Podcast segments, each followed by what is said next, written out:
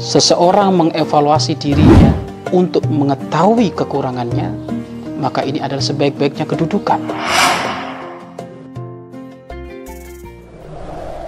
Ayo gabung program wakaf tanah dan bangunan Al-Bahjah Buyut. Hanya 200 ribu per meter. Assalamualaikum warahmatullahi wabarakatuh. Alhamdulillah. Alhamdulillahi rabbil alamin. Wal akibatu lil muttaqin wala udwana illa 'alal zalimin.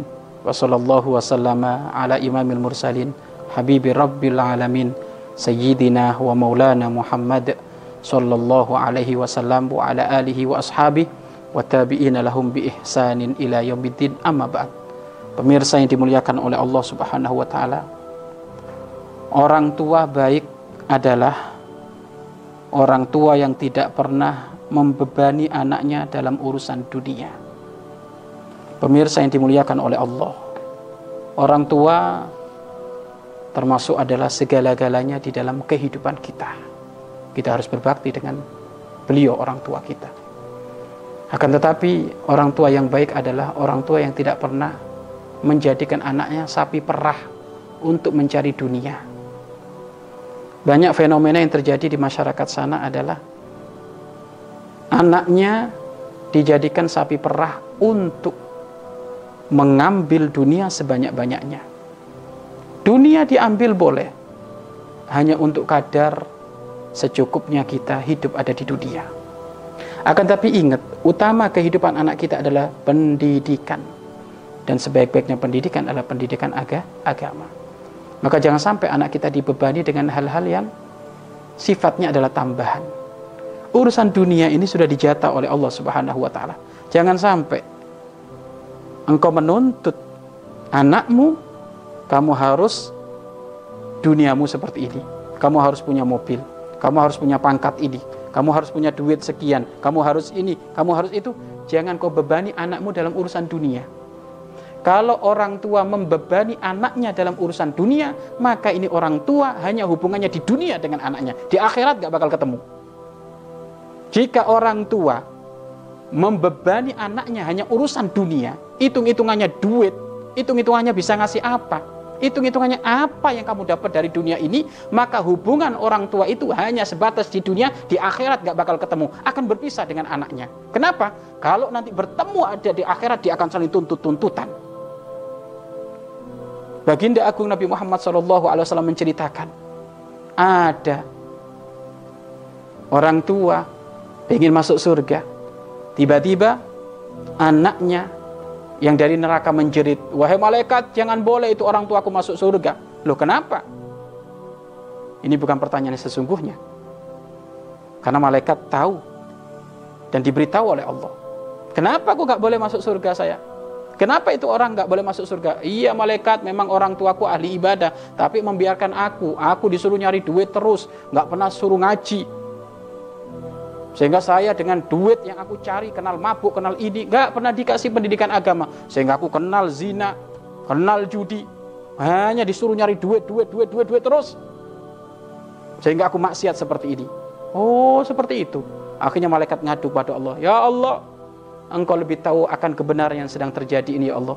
Ada orang tua ingin masuk surga, tapi anaknya menuntut dari neraka. Karena anaknya masuk neraka gara-gara keteledoran orang tua di dalam mendidik, hanya disuruh nyari duit, duit, duit terus. Bagaimana ini Allah? Turunkan orang tua yang di surga, masuk neraka bersama anaknya. Dicemplungkan ke neraka itu orang tua. Begitu juga sebaliknya, ada seorang anak yang pendidikan orang tuanya istimewa. Nah, urusan agama nomor satu, nak. Nah, urusan syariat nomor satu, nak. Dekat sama ulama, nak. Boleh kamu mencari dunia, nak, tapi tolong yang halal, jujur, nggak boleh bohong, nak. Pendidikannya adalah pendidikan agama, tuntutannya adalah tuntutan urusan syariat Islam. Bukan melulu urusan bab dunia. Hanya saja orang tuanya adalah orang tua yang teledor Teledor apa? Ibadahnya kurang, suka maksiat, akhirnya orang tuanya dimasukkan ke neraka. Anaknya masuk surga karena anaknya menjadi orang soleh, karena pendidikannya ketat. Bukan disuruh mencari, bukan disuruh mencari dunia atau tiba, tapi disuruh mencari akhirat. Dekat dengan ulama, hadir majelis ilmu. Sehingga Tiba-tiba anak tadi itu mendengar suara tangisan, maka anak yang di surga tadi berkata kepada malaikat yang menjaga surga, itu suara tangisan siapa? Itu suara tangisan orang-orang yang disiksa di neraka. Tetapi aku seakan-akan kenal suara ini. Ditengok ternyata orang tuanya, bapak ibunya lagi dipentungi ada di neraka. Maka saat itu sang anak tadi mengangkat tangan, wahai malaikat tolong sampaikan kepada Allah, entas itu kedua orang tuaku. Memang orang tuaku nggak benar, tapi orang tuaku senantiasa menuntutku untuk pendidikan agama, menuntutku untuk sholat, menuntutku walaupun mencari dunia, tapi mencari dunia yang halal, pekerjaan yang halal, nggak boleh korupsi.